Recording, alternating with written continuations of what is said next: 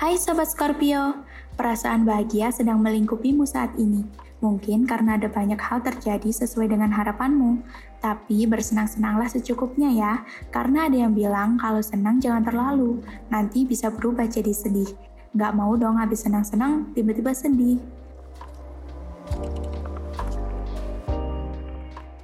Percintaan untuk Sobat Scorpio Lovebird membicarakan hal serius secara tiba-tiba bisa merusak suasana romantis dengan pasangan.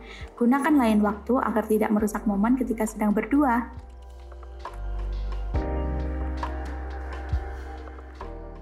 Percintaan untuk Sobat Scorpio yang masih single.